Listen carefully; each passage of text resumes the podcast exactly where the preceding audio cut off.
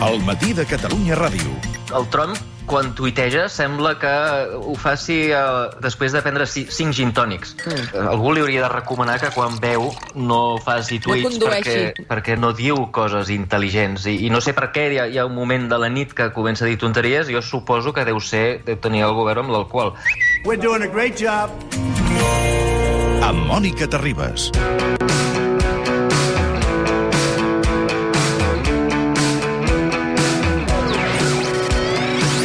Aquesta setmana el Ministeri d'Economia ha confirmat les xifres de la caiguda del PIB el primer trimestre a Espanya. Hem hagut d'esperar gairebé tres mesos per confirmar la magnitud de la crisi econòmica que ha comportat el confinament per la pandèmia de la Covid-19. Però, i si fos possible fer una anàlisi de les dades macroeconòmiques en temps real?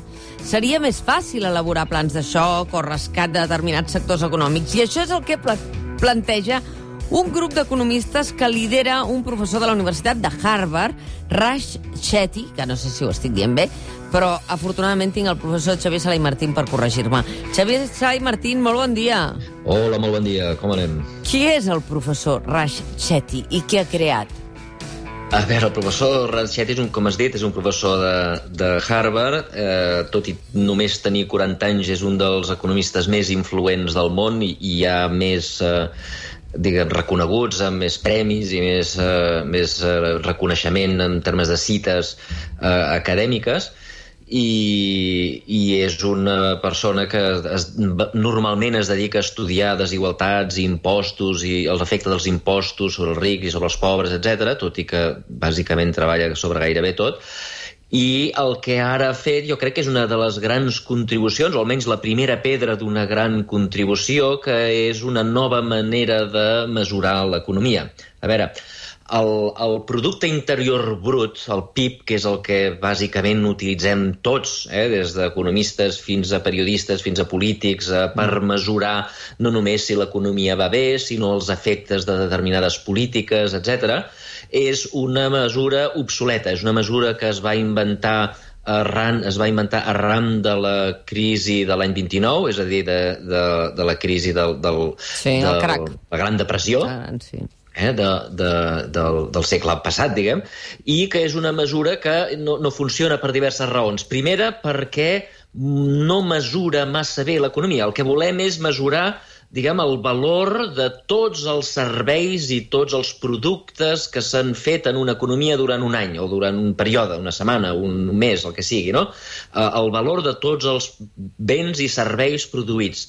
Uh, el que passa és que els anys 20, de 30 de l'any del segle passat, clar, tots els productes eren bastant normals. Hi havia, es feia pizza, es feien bicicletes, es feien tomàquets, i aleshores el PIB era, bàsicament, agafar el número de bicicletes, es multiplicava pel preu, i teníem el valor en dòlars, en aquest cas als Estats Units, en dòlars, eh, de totes les bicicletes fetes, agafàvem les pizzas, multiplicàvem pel preu, que, se, que el que s'havien venut, i teníem el valor en dòlars de totes les pizzas, i sumàvem el valor de les bicicletes més el valor de les pizzas, i teníem el valor de tot el que s'havia produït. I això ho fèiem per tots els Sí. productes de l'economia, i teníem que l'economia americana doncs, havia produït eh, per valor d'un trilió de dòlars, no? per exemple. Mm.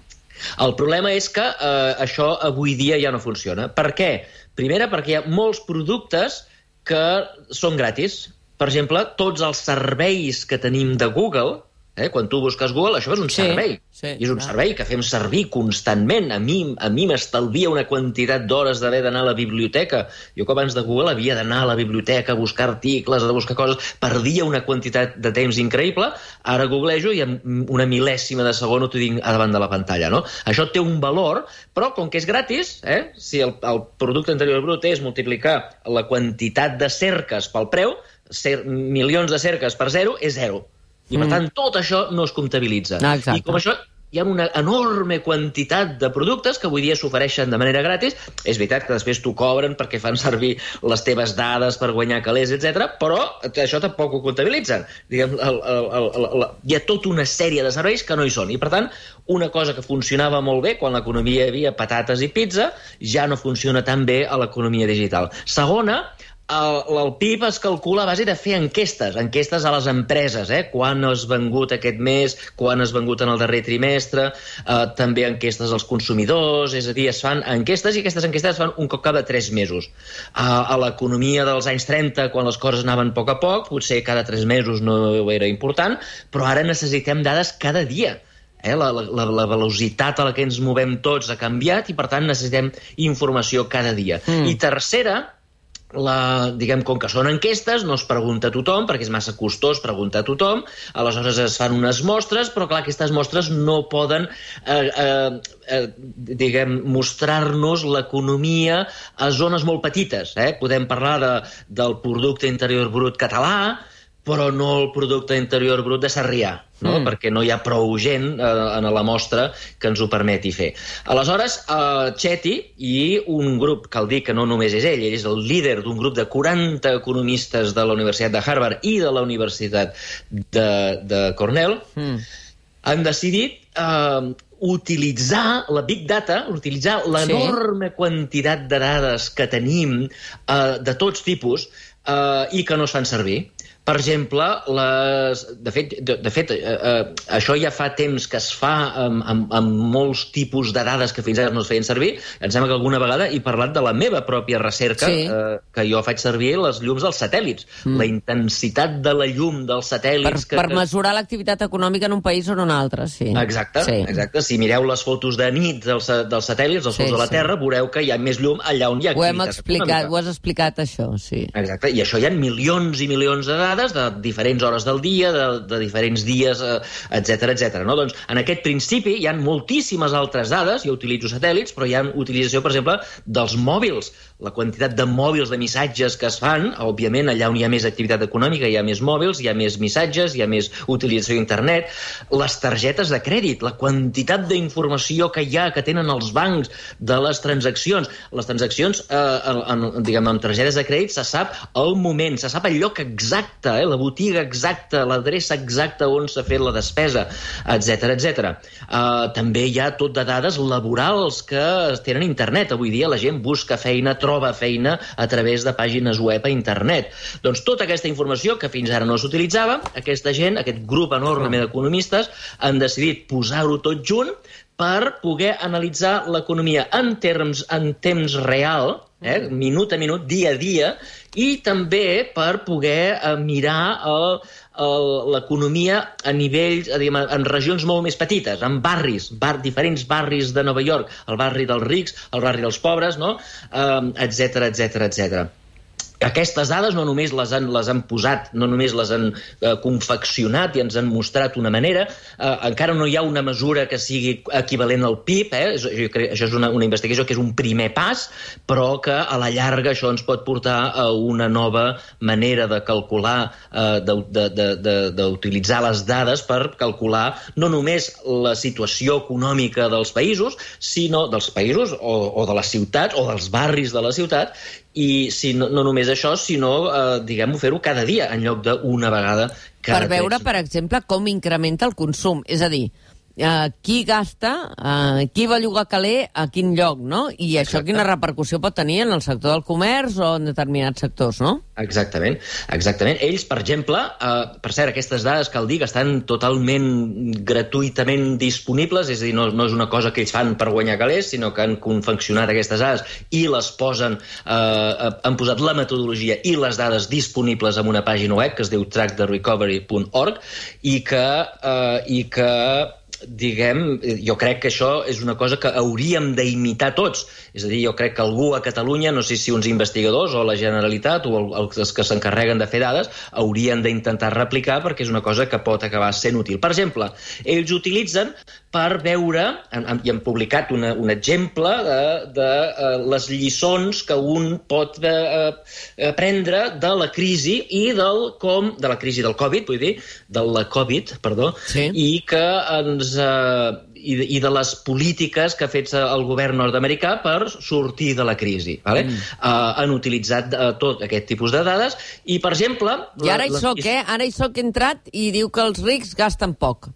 Sí, uh, exactament. Diu, a diferència de la crisi del 2008, la, la crisi del 2008, recordeu, va ser una crisi de pànic, eh? Cau Lehman Brothers, la gent pensa que perdrà els diners del banc, eh, que perdrà tots els seus estalvis, molts deixen de gastar, i aquesta, aquest deixar de gastar per por a que en el futur no tindrem diners és el que provoca la crisi i fa que la gent acabi sense tenir diners, acabin a l'atur, etc etc.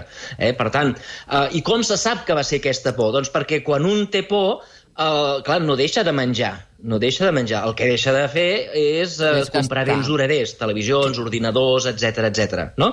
Doncs bé, la crisi de 2020 no ha passat el mateix.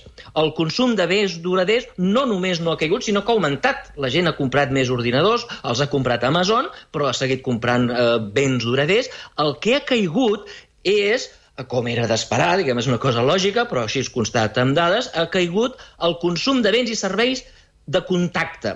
Eh? Per exemple, els restaurants, els avions, els, Clar. via els viatges, massatges, perruqueries, etc. És a dir, el que ha portat aquesta crisi no és una por a no tenir diners en el futur, com el 2008, sinó la por al virus.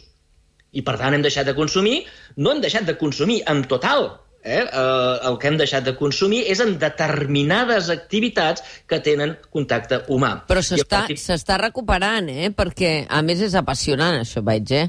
Perquè hi ha el general, ara estic jugant mentre tu ho expliques, eh? Amb Sí, sí. les dades, i eh, des del 15 d'abril als Estats Units, eh? Es va recuperant que estava que la caiguda era del 46%, zzz, en segons quins àmbits, eh? Uh, ara està al 8, per exemple, al menys 8% respecte al, a l'inici de la crisi, no?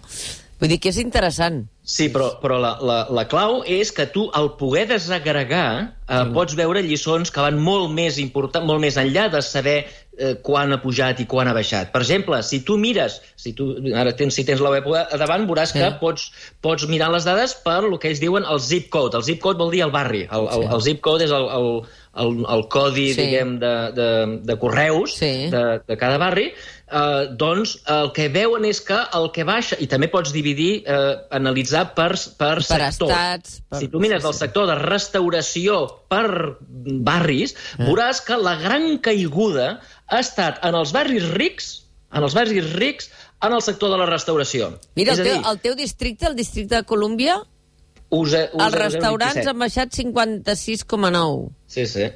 Eh, o sigui, el, el, la clau és o sigui, la crisi aquesta, bàsicament, per, per dir-ho de manera molt, molt, molt resumida, la crisi aquesta l'han causat els rics que no, que no, no per que hagin deixat de consumir, sinó perquè han deixat de consumir determinats consums en els seus barris. És a dir, els rics han deixat d'anar al restaurant. Eh? Òbviament, això, la conseqüència d'això no la paguen els rics, sinó que Sí. la paguen els empleats del restaurant, que no són rics. Eh? Uh -huh. uh, aleshores, aquests empleats de restaurant, doncs, òbviament, han deixat de consumir, etc etc. Però si t'hi fixes, la caiguda uh, de béns duraders ha pujat, diguem, ha sigut negativa, no, no, Sí, no ha sí. hagut caiguda. La caiguda en els barris baixos ha sigut molt més petita. La gent en els barris baixos ha seguit anant al McDonald's, en, en canvi en els barris rics el, la gent ha deixat, ha deixat de fer tota aquesta No, no, i, activitat. i una cosa apassionant uh, d'aquestes dades, uh, que insistim a donar l'adreça perquè, perquè és molt interessant veure-ho, tracktherecovery.org, uh, veureu que uh, pel que fa a la compra d'alimentació, del grocery, uh, el dia que hi va haver el tancament, el confinament, es dispara una borrada, uh, perquè Exacte. tothom se'n va comprar a Califòrnia un 93% d'increment, uh, hi ha Iowa un 70%, i uh, després baixa, baixa, baixa, baixa, baixa, baixa, i ara està encara a Iowa al menys 14 i a Califòrnia al més 8,4, per posar dos exemples extrems, eh? I si mires el, els estats, hi ha una altra lliçó molt, molt, molt, molt interessant, és que eh, el confinament no ha causat la crisi. La crisi no ha estat el confinament. Per què ho sabem, això? Doncs perquè, com sabeu, als Estats Units el, el confinament s'ha de, de, decretat per estats. Sí. Hi ha hagut estats que han confinat, hi ha hagut estats que no. Alguns estats han, han, han confinat per, per, per comtats o per ciutats, no tot l'estat, i per tant hi ha una varietat de dades que ens permet analitzar. Doncs bé, el, eh, la, els estats a on hi ha hagut confinament, la caiguda del consum ha estat exactament la mateixa, mm. en, diguem, del consum dels restaurants, dels Sí, rics, diguem, sí. el que dèiem abans, eh, ha estat exactament la mateixa que en els estats que han confinat. Els que han confinat i els que no han confinat han baixat, la gent ha deixat d'anar als restaurants. Mm. Um, això, per, per cert, també ha passat a Europa, eh? Països com Dinamarca, que han confinat, i Suècia, quan tu mires el consum eh, ha baixat exactament igual. Per mm. què? Doncs perquè el que porta la gent a no consumir és la por. Mm. I la por la tens igual, tant si hi ha confinament com si no hi ha, des no hi ha confinament. I això és una lliçó important de cara al desconfinament. Perquè, clar, si la gent segueix tenint por, eh, quan desconfinem, eh, la gent seguirà sense anar al restaurant, re- seguirà sense, sense haver-hi turisme. I això és una lliçó molt important per nosaltres, eh, que vivim del turisme d'una manera important i d'altres zones turístiques del món, la lliçó és que eh, el fet de que desconfinem, el fet de que el Pedro Sánchez digui Espanya està abierta a tots els turistes, això no vol dir que els turistes vinguin. Exacte. Això no vol dir que la gent vagi a, a, als restaurants. Per què? Perquè el que, el que porta tota aquesta crisi és la por, no el fet de que el govern no et deixi anar al restaurant. I, per tant, quan el govern et deixa anar al restaurant, tu segueixes sense, sense, sense consumir. I una altra lliçó, unes altres lliçons importants és que les polítiques que ha fet servir el, el Trump no han funcionat. Per exemple, el dia 3 d'abril va enviar un xec de 2.500 dòlars a cada ciutadà. Es veu a les dades, com que les tenim de cada dia, de cada Sí. hora, que el consum es va disparar el dia 4. Ah. Eh? La gent va anar, va anar i va començar a gastar. Uh, sobretot la gent més pobra, que el, el dia abans no tenia calés perquè els havien acomiadat. Um, però el consum no va anar als restaurants. Uh -huh. La gent seguia sense anar als restaurants. El consum va anar als supermercats, com deies abans, a Amazon, etc etc. Es- I, per tant, els llocs de treball que s'havien perdut en els restaurants, que és la... Que és la ho estic dient restaurants per... Sí, per, sí, per, sí, per perquè tothom simplificar, entengui eh? ràpidament, sí. Però els llocs de treball dels restaurants no s'han recuperat. I És a dir, escolta, escolta- Aquella, aquella, aquella mesura que l'any 2008 fun hagués funcionat, de fet als Estats Units els hi va funcionar, que és donar calés a la gent perquè gastin, eh, això en aquesta situació no funciona. Els llocs de treball que s'han perdut, amb els xecs aquests, no s'han recuperat. I alerta, Eh? perquè si hi ha teletreball eh, a partir d'ara, el teletreball eh, generarà també que hi hagi menys, eh, menys consum de restauració, hi haurà menys mobilitat, estalvi per algunes empreses i, naturalment, també en part pels treballadors, però això repercutirà també, no? Sí, sí, no, no sabem exactament com, perquè diguem, no és que la gent deixarà d'anar als restaurants, sinó que anirà a a restaurants a d'altres llocs. Mm. És a dir, la gent, diguem, si jo no hagués de donar classe a Nova York eh, i ho pogués fer per teletreball, jo viuria a l'escala. I si pogués viure... I, òbviament, el que passaria no és que deixaria d'anar a restaurants, sinó que deixaria d'anar als restaurants de Nova York i aniria als restaurants de l'escala. Eh? Uh, I, per tant, hi haurà un canvi, no, sé bé, no se sap ben bé si uh, una reducció de restaurants o simplement un canvi, perquè hi haurà canvis de residències, hi haurà uh, algunes ciutats creixeran, unes altres baixaran.